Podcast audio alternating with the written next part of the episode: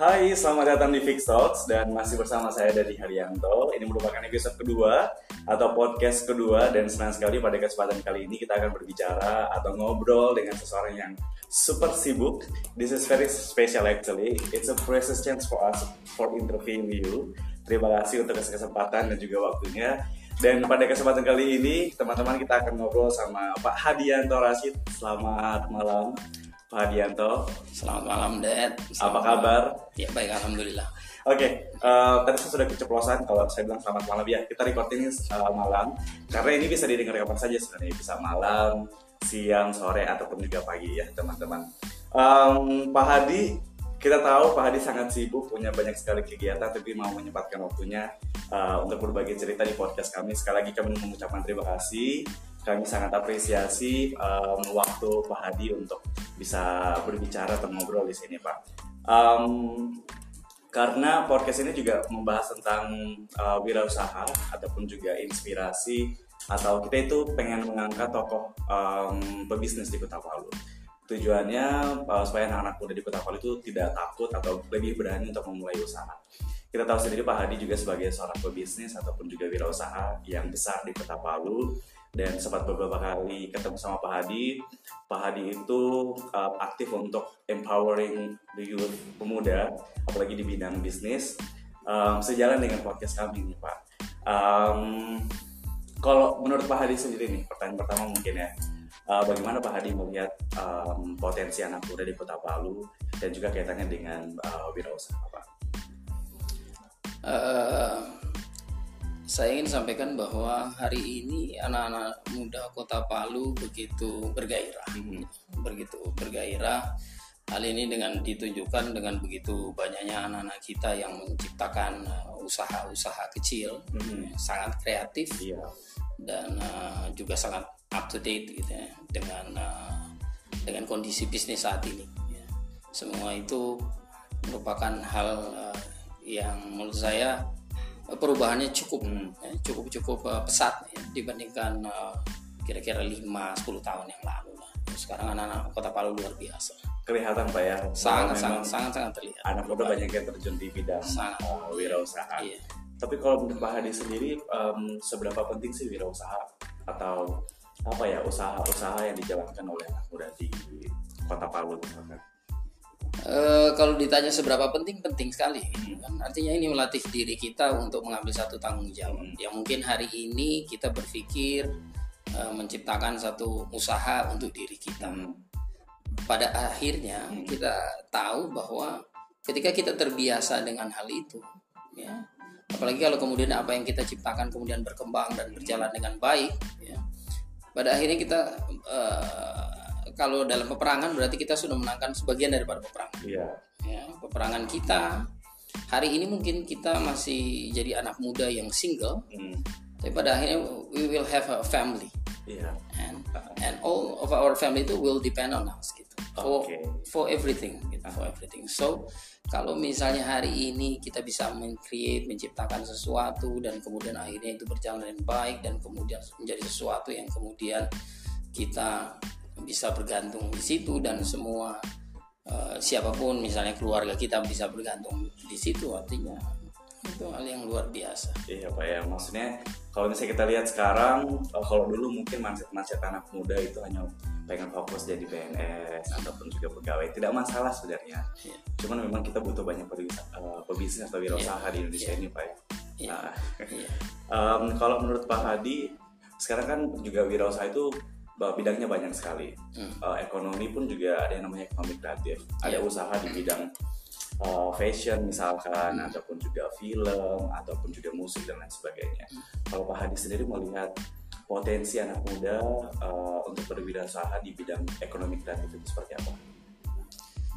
Eh, kalau ditanya potensinya seperti apa, sebenarnya segala sesuatu memiliki potensi. Tinggal tergantung bagaimana kita, ya, bagaimana kita. Nah, tapi umumnya kan ketika kita eh, masuk dalam wilayah bisnis atau wilayah usaha, terkadang kita biasanya condong memperhatikan apa sih yang menjadi eh, menjadi eh, apa ya, menjadi eh, keahlian kita Iya. atau misalnya kita ini hobi dalam hal satu hal tertentu. Iya, Kemudian kita mengkaitkan bagaimana hobi kita ini uh, berpeluang menjadi satu apa satu uh, peluang bisnis Hmm. yang baik. Ya kira-kira seperti itu ininya. Seperti itu apa? Seperti itu uh, uh, awal dari semua uh, keinginan seseorang untuk kemudian observe dalam dalam dunia uh, dalam bisnis gitu. Jadi kalau bilang potensi ya semua memiliki potensi tinggal Semua tergantung potensi. ya Tergantung tinggal tergantung masing-masing Oke Pak Hadi, Em, bicara soal bisnisnya Pak Hadi juga, em, kita semua tahu bahwa Pak Hadi eh, sebagai owner dari Taipa Beach, itu adalah usaha di bidang pariwisata. Eh, mungkin tidak banyak yang tahu begitu cerita atau em, kenapa misalkan Pak Hadi dulu itu memilih untuk berbisnis di bidang pariwisata Pak, membuka eh, Taipa Beach. Iya Mm-mm. Eh, baru saja gitu ya Hmm. baru saya aja saya bertemu dengan apa bertemu dengan eh, beberapa komunitas Hmm. eh, eh, usaha kecil menengah yang menanyakan hal yang sama Mm. Ya, saya sampaikan bahwa awalnya saya berpikir bahwa saya juga harus memiliki sesuatu Memiliki satu usaha yang di mana itu akan menjadi milik saya akan menjadi kebanggaan saya dan kemudian menjadi sesuatu yang akan memenuhi semua keinginan semua kebutuhan semua hasrat saya Ya, begitu. Nah, ketika hal itu muncul, maka kemudian uh, ada satu hal yang ikut mempengaruhi uh, kenapa kemudian uh, muncullah ide seperti Taima Beach. Ya. Saya tidak bisa pungkiri bahwa nama orang tua waktu itu artinya cukup cukup uh, membayangi, membayang-bayangi saya. Orang tua waktu itu ya boleh dibilang lah termasuk orang yang yang yang berhasil berhasil menciptakan satu perusahaan yang cukup ya yang cukup baik maka kemudian juga saya termotivasi bahwa saya harus juga mampu jadi kayak ada beban harus iya saya harus bisa lebih ya. gitu Iya, atau iya. paling tidak ya saya harus bisa seperti orang tua maka Oke. kemudian ya saya berpikir ya saya harus coba buat satu usaha juga yang uh, usaha ini juga uh, pada akhirnya menjadi usaha yang berpotensi untuk menjadi usaha yang besar bukan hanya besar dalam sisi apa omset saja tetapi dalam sisi bahwa secara physically Mm. physically ini nampak gitu bahwa wah ini usaha besar nih kira-kira Iya, seperti iya. itulah yang motivasi uh, sehingga uh, saya uh, membangun Taipa Beach. Sejak tahun berapa sih Pak itu Taipa Beach? Taipa Beach itu saya garap pertama artinya untuk masih buka lahan gitu ya masih buka lahan itu di tahun 2005 Tahun 2005 Pak ya, berarti tahun sekitar 2005 15 tahun sampai dengan Iya sekarang. kan. Jadi tahun 2005 saya saya masuk Palu itu tahun 2002 akhir. 2002 akhir. 2002 akhir. Jadi ya setelah dua tahun bekerja, Hmm. dua tahun bekerja dengan orang tua, ya, kemudian saya mikir wah saya bisa bisa sendiri nih. Iya iya iya. Nah, gitu. Sebelumnya di kota mana Pak? Sebelumnya saya kan kerja di Balikpapan. Di di Balikpapan. Balikpapan. Setelah itu saya kembali ke Palu, kembali ke Palu karena panggilan orang tua untuk membantu orang tua karena pada waktu itu orang tua jatuh sakit. Oh iya. Tapi berarti Bapak sempat sekolah di Palu. Saya sekolah, saya SD, SMP, Nah, kemudian em, di pondok, Ah. kemudian di, di universitas ya semuanya di luar Palu. oh iya. Dan kemudian Bapak memilih untuk kembali ke Palu. Ya kembali sebenarnya tidak ada sih berpikir lagi kembali ke Palu. Ah. Tidak ada, sama sekali tidak ada berpikir kembali ke Kenapa Palu. Pak akhirnya Bapak memilih? Bukan saya pada memilih karena panggilan oh, orang panggil tua. orang tua. Iya, panggilan orang tua saya diminta pulang untuk mengelola eh, usahanya. Nah, akhirnya Karena beliau jatuh sakit. Wah, waktu itu pun juga saya sebenarnya tidak langsung mengiyakan gitu. Saya tidak langsung mengiyakan. Tapi karena ya, ya kan ya karena ya apa namanya ya orang tua menyampaikan bahwa kamu udah disekolahin maka Iya, kamu mau iya, bantu saya ya udah. Ya itu makanya kemudian pulang ke Palu. Oh, Karena saya berpikir ketika saya eh, fokus dengan pekerjaan atau eh, menerima tanggung jawab itu maka saya akan fokus dengan tanggung jawab itu. Baik. Berarti eh, Pak Hadi pada saat diminta pulang ke Palu, akhirnya menetap di Palu sampai dengan sekarang ini, Iya. em, membuka usaha. Tapi kalau dari Bapak sendiri memang suka eh, dunia pariwisata, suka jalan-jalan atau traveling. Eh, pertama saya melihat saya melihat waktu itu kan saya memperhatikan wah ini Palu ini indah banget nih tempat punya potensi yang besar punya kan, potensi ya? luar biasa gitu tapi belum ada gitu seperti Iya, konsep iya, iya. resort konsep Ah. seperti Taipa Beach yang apa yang eh, dibangun di kota Palu bahkan ketika saya mengawali kemudian coba masuk ke bank untuk mengajukan proposal Hmm. semua menolak oh waktu itu masih ditolak iya semua karena usaha ini tidak masuk dalam 10 prioritas Oh. perbankan gitu oh iya Iya, iya, iya. dianggap usaha seperti ini adalah usaha yang hidup segan mati tak mau. oh berarti pada saat itu mungkin dari perbankan belum lihat prospek Iya, dari tidak, tidak, ya? iya. Karena memang kan waktu itu usaha seperti ini tidak ada. Ada yang ada yang berjalan waktu itu kan berjalan tidak dengan konsep seperti Taipa Beach ya. kemudian setelah itu setelah uh, penolakan dari perbankan Iya. dan lain-lain kemudian Iya jalan terus. jalan Iya jalan terus. Saya jalan terus. Saya berpikir ketika misalnya ada eh, ada support dari perbankan, saya berharap bahwa Taipa Beach bisa eh, apa bisa terbangun dengan cepat. Tetapi ada semua hikmah, hikmah di balik itu. Hikmah di balik itu adalah eh, pada waktu itu eh, pada waktu itu ya saya tidak terlalu memperhatikan bagaimana eh, apa namanya kemampuan kemampuan pasar Hmm.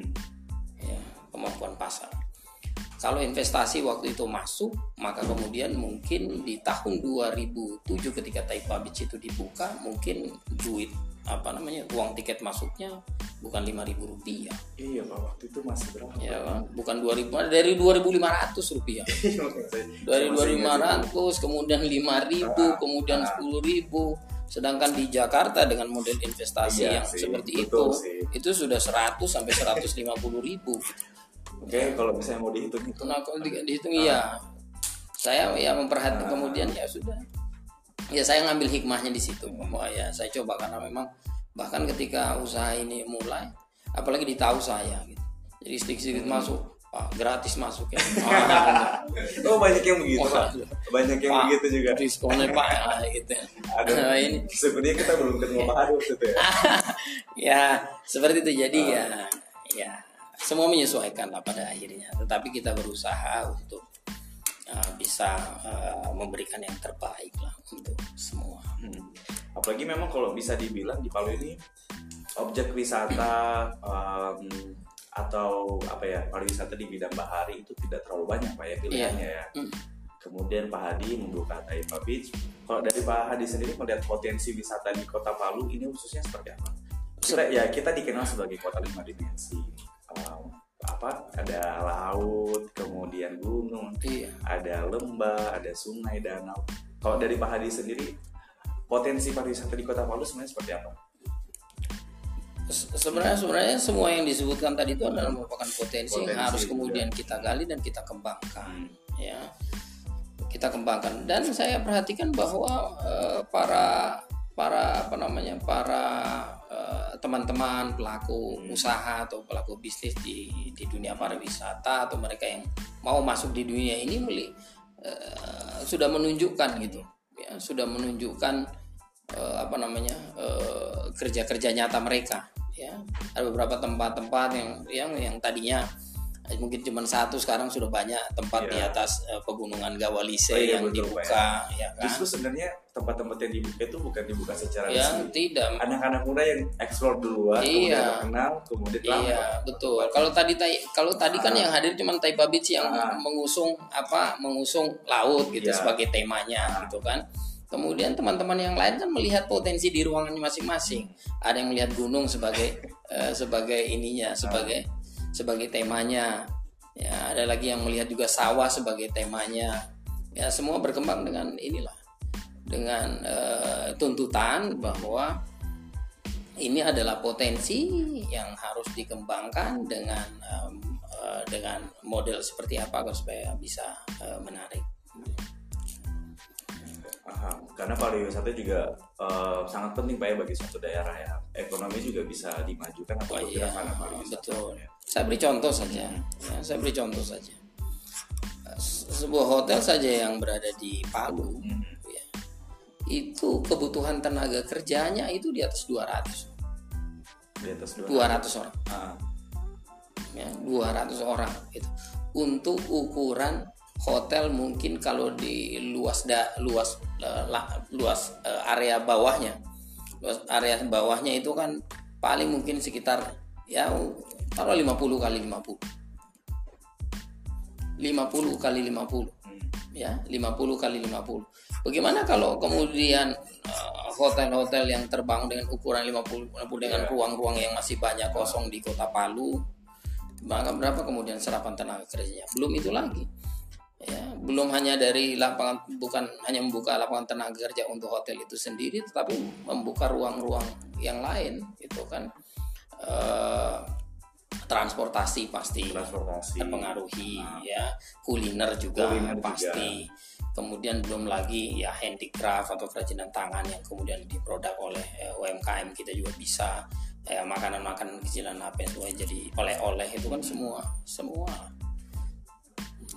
iya berpengaruh pasti iya multiplier efeknya luar biasa usaha pariwisata ini nah, tapi kalau menurut Pak Hadi sendiri um, pariwisata kan juga maju itu karena ada beberapa pendukung seperti itu ya misalkan dari masyarakatnya hmm. ataupun juga dari yang lain-lain hmm. kalau menurut Pak Hadi sendiri um, di kota Palu ini kan memang sudah beberapa kali diadakan uh, event-event pariwisata atau yeah. kegiatan-kegiatan yang mengundang wisatawan mancanegara hmm.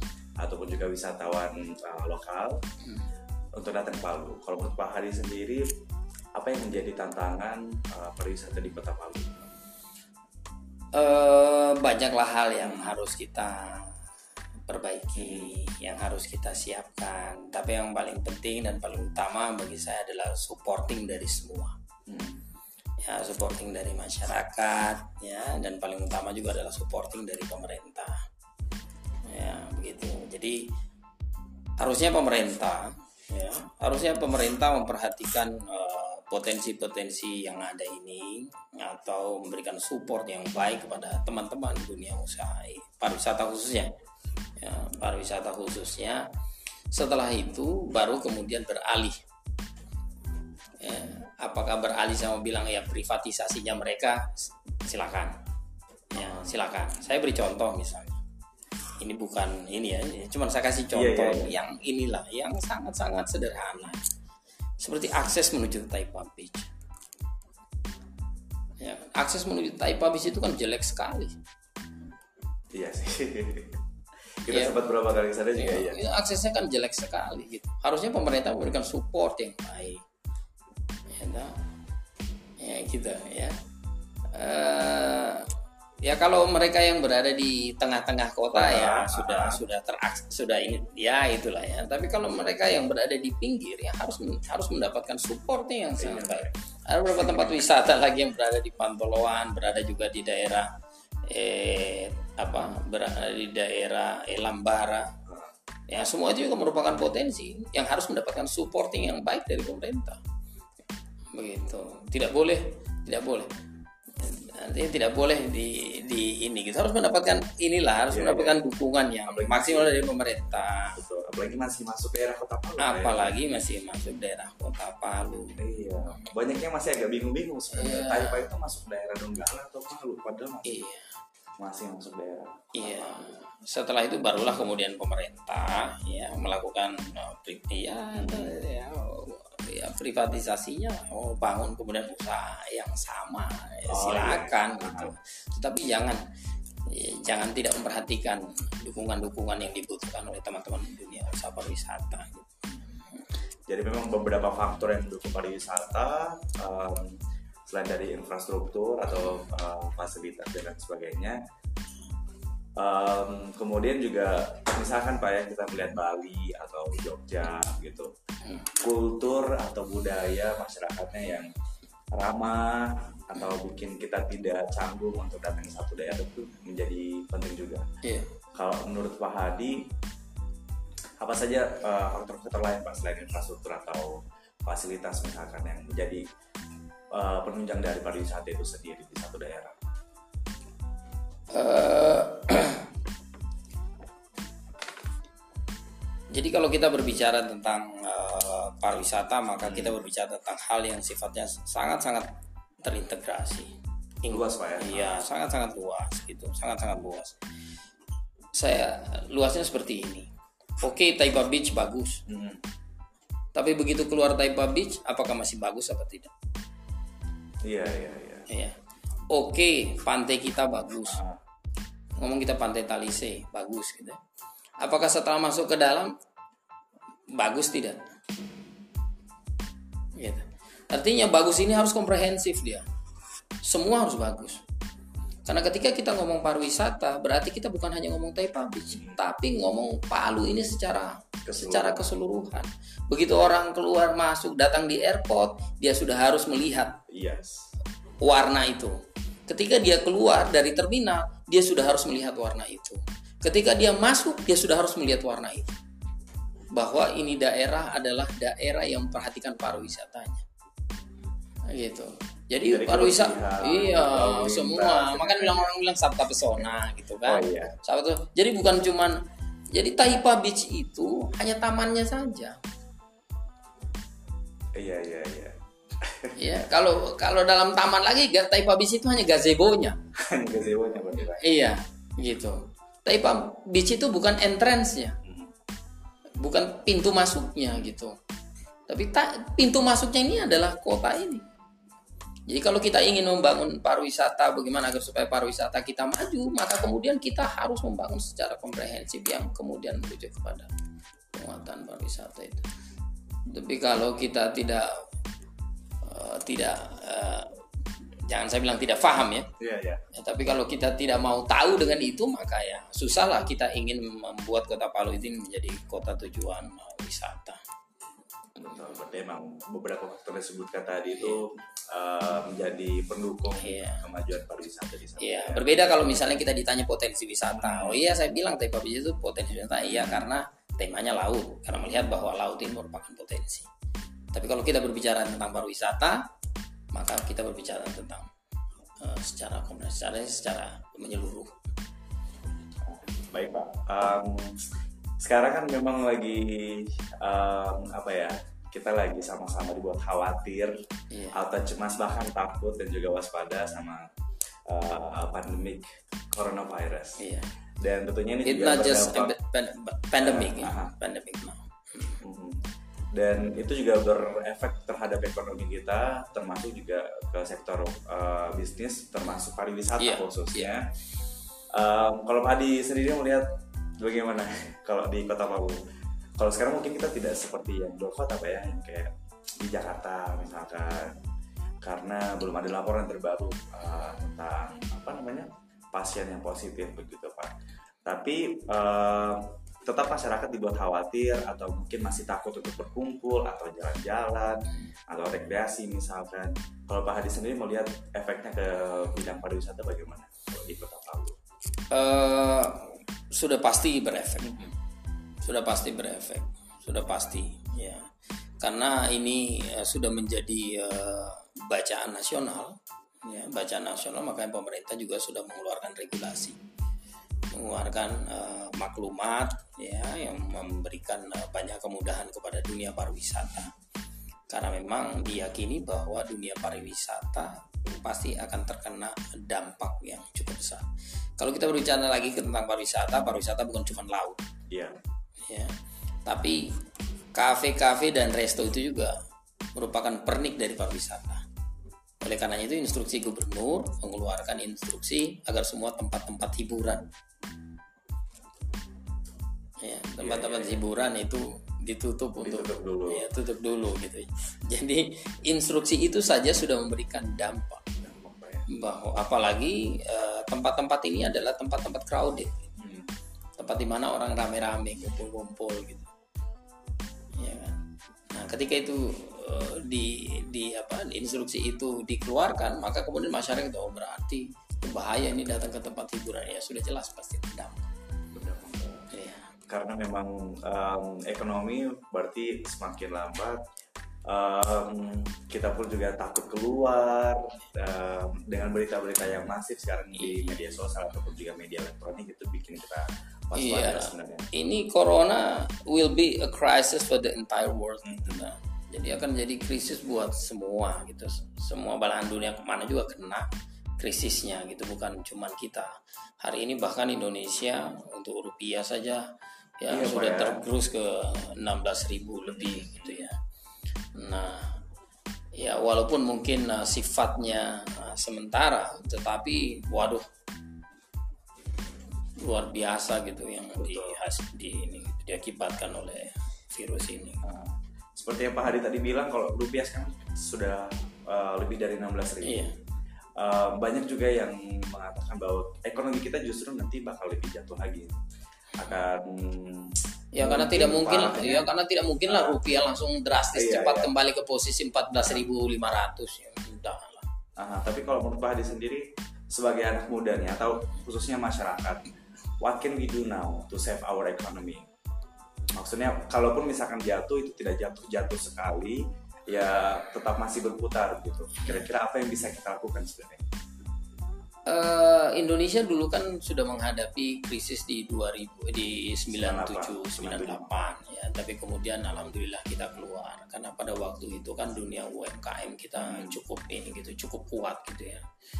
Nah dan sampai dengan saat ini juga pemerintah menyadari bahwa UMKM ini merupakan salah satu tiang penyokong yang cukup kuat untuk eh, negara ini menghadapi situasi-situasi yang sama Nah, cuman kan masalahnya ya kita ini tidak berhadapan dengan krisis Iya, ya, moneter ini mm-mm.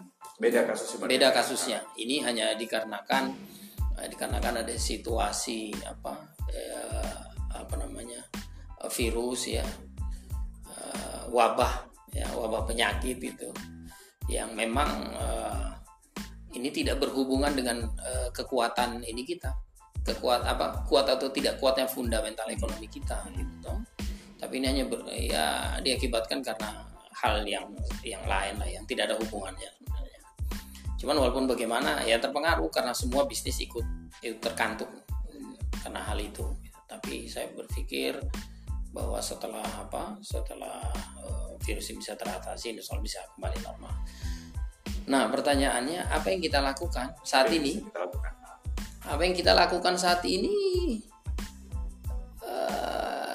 S- ya semuanya untuk sebenarnya normal-normal saja gitu. Normal-normal tidak ada cuman karena memang ada upaya preventif yang harus dilakukan oleh pemerintah dengan memberikan instruksi. Ya cuman sekarang kan belum ada lockdown untuk Indonesia. Iya, ah, belum ada. ya, belum ada lockdown untuk Indonesia. Masih sebagai imbauan saja untuk social distancing. Iya, karena karena memang salah satu eh, salah satu apa namanya eh, penahan laju agar supaya virus ini tidak berkembang dengan ya tidak penyebarannya bisa ditahan ya ya hanya dengan melakukan lockdown itu untuk saat ini karena memang antidotnya kan belum ada. Nah lockdownnya pun juga kan hanya eh, sekitar dua pekan saja. Ya, artinya setelah dalam waktu dua pekan itu diharapkan kan semuanya bisa kembali stabil kembali. Nah, cuman Indonesia kan agak berbeda dengan negara-negara lain. Iya. Jadi kalau ditanya sekali lagi apa yang kita lakukan, ya apa yang kita kerjakan kemarin ya mari kita bekerja terus seperti itu. Tidak ada yang berubah. Cuman hanya ya kita berhati-hati. Ya perhatikan eh, apa namanya eh, pesan-pesan kesehatan menyangkut Iya, iya. virus ini yang coba menjaga jarak, tidak boleh bersentuhan langsung, tidak ya dulu. Ya kira-kira seperti itu. Tapi aktivitas yang lain ya. Dan alhamdulillah kan sampai saat ini di kota Palu ya belum ada yang positif. Ya belum ada yang positif. Nah ini sebenarnya ya artinya kita masyarakat Palu Palu tidak perlu terlalu takut, tetapi kita waspada. harus waspada. Harus waspada. Tapi kalau dari Pak Hadi sendiri kegiatan sehari-hari em, dengan virus corona ini terganggu atau mungkin Tidak. tidak ya? Tidak, Santai-santai pekerjaan di Taipa Beach ya Kerjaan jalan terus, jalan. ya pabrik juga jalan terus. Kalau hobinya Bapak sehari-hari misalkan eh, dari kesibukannya Bapak yang sangat eh, banyak nih kegiatannya, ada hobi-hobi yang masih dilakukan sampai dengan saat ini? Main bola. Main bola. Hmm. Saya pernah nonton Pak main bola di Taipa juga. Main bola. Di Taipa, di Loli. Di ini di mana di Galara. Ah, ah, Ah. betul. Tapi masih sekarang? Masih main bola. Oh, iya. Cuman ini lagi drop saya. Harusnya tadi sore saya main bola, cuman lagi drop jadi enggak main bola. Biasanya seminggu sekali atau Seminggu sekali. Oh, seminggu sekali. Sekali. seminggu sekali Oke, boleh nanti sama teman-teman. Oke, berarti memang uh, Pak Hadi masih melakukan hobinya main bola uh, di sela-sela kesibukannya uh, saat ini ya. Um, Pak Hadi, ini saya mau tanya. Uh, tadi kita sudah sempat bicara soal potensi dan juga apa ya potensi anak muda dan juga potensi pariwisata di Kota Palu. Yeah. Kalau Pak Hadi sendiri punya harapan khusus untuk Kota Palu kita tercinta ini seperti apa nantinya? Ya, harapan kita semua sama. Kita menginginkan Kota Palu ini uh, ya semakin maju, ya semakin berkembang, ekonomi masyarakat juga semakin terkoreksi, ya tingkat kesejahteraan juga kita harapkan dengan uh, terkoreksinya itu tingkat kesejahteraan juga ikut naik ya semua hal ya semua hal kita berharap bahwa kota Palu ini ya kalau saya mau bilang jangan lagi tertinggal dengan daerah lain. Jangan ngomong jangan terlalu ketinggalan. Ya jangan. Kita harus mulai berkata bahwa Palu tidak boleh lagi ketinggalan. Harus bisa setara sama kota-kota besar. Saya berpikir jangan cuma setara, salah kalau setara karena orang bergerak terus gitu. Kita harus bergerak melampaui yang lain. Kalau kita ngomong setara, hmm. hari ini daerah-daerah lain bergerak maju dengan cepat gitu. Itu. Jadi jangan kita ngomong setara, kita harus melampaui. Harus melampaui. Kita harus melampaui. Ibarat kata kita gantungkan cita-cita kita setinggi langit supaya kalau jatuh nanti ya paling jatuh genteng. Ya. jauh-jauh dari atas. Tapi kalau bapak saya bilang jangan gantung cita-citamu di plafon, itu? Hmm. Kalau jatuh di cita-cita di di plafon ya jatuh ya langsung di lantai. Ya jadi tar jadi tar jadi keinginan kita jangan hanya uh, dia sejajar, eh, tapi harus melampaui. Karena kita tingginya kita ini kan berbeda-beda seperti saya ini tinggi saya dengan ini kan berbeda gitu. Ketika kita berdiri, ya ya mau sejajarnya bagaimana gitu kan? Kalau saya sama mungkin agak ya kurang lebih. saya juga tidak terlalu. Iya. Ya, uh, um, kalau untuk anak anak Palu sendiri, anak muda kota Palu sendiri, uh, Pak Hadi ada pesan khusus mungkin karena uh, menurutku potensi anak muda untuk memajukan satu daerah itu sangat besar. Yeah. Apalagi kan kita juga di Indonesia uh, akan masuk dalam kondisi bonus demografi di mana usia produktif itu akan sangat banyak. Yeah. Um, kalau menurut saya secara pribadi pak ya anak kalau itu banyak yang punya potensi sebenarnya yeah. yang mereka punya bakat kemampuan skill dan yang lain itu yeah. yang luar biasa cuman kadang-kadang mentalnya saja yang masih kayak takut atau malu atau kalau misalnya keluar itu masih me, apa ya mendiskreditkan diri sendiri padahal kita tuh bisa kalau pada sendiri tuh punya pesan atau apa yang kira-kira mau disampaikan untuk anak muda di kota Palu? Uh, kalau menurut saya menurut saya apakah anak-anak kita ini misalnya uh, ya mentalnya hmm. kalau disinggung saya bahwa mentalnya mereka menurut saya juga sebenarnya tidak gitu ya tidak. Cuman mereka ini perlu uh, advokasi yang baik. Ya. Ya advokasi yang baik kepada mereka ya mendorong motivasi mereka dan suka atau tidak suka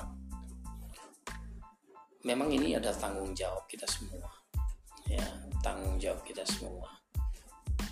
Tapi sekali lagi saya mau bilang bahwa pemerintah sangat berperan dalam hal ini.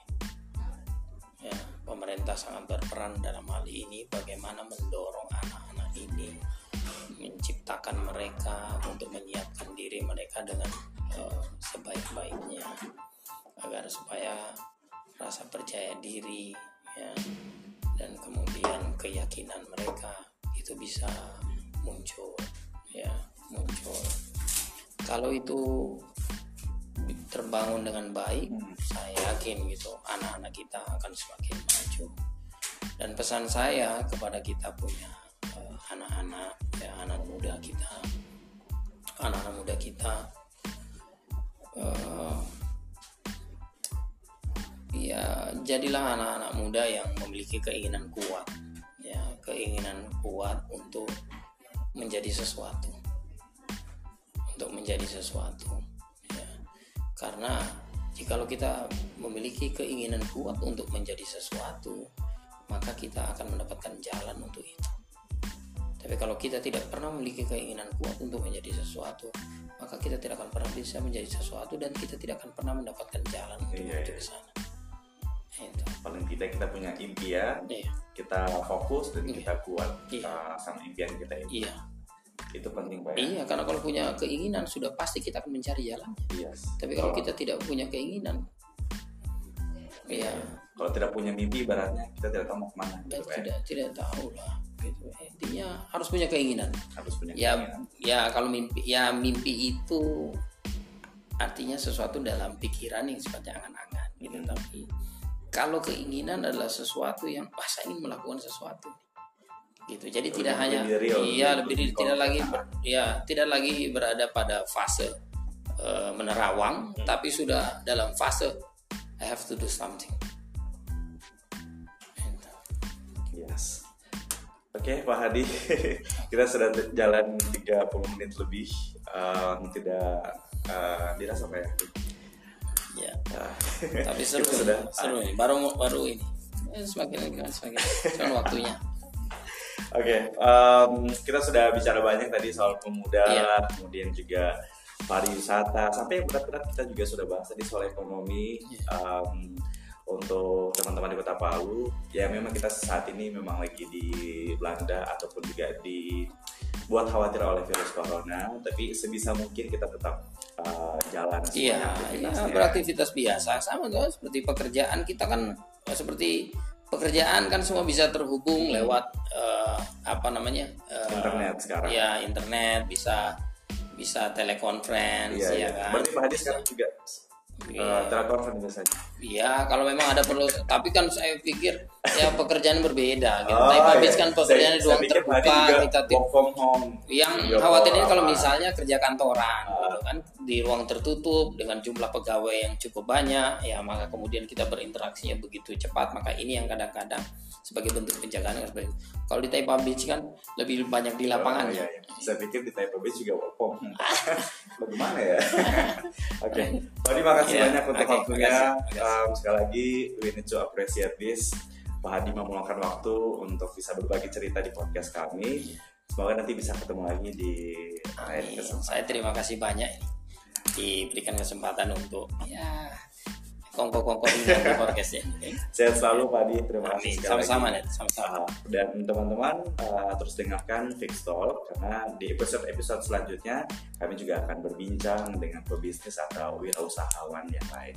Dan saya Dadi Haryanto dan juga Adianto Rasid uh, pamit undur diri dan sampai jumpa. ya Assalamualaikum warahmatullahi wabarakatuh Aduh, saya terima kasih. Saya terima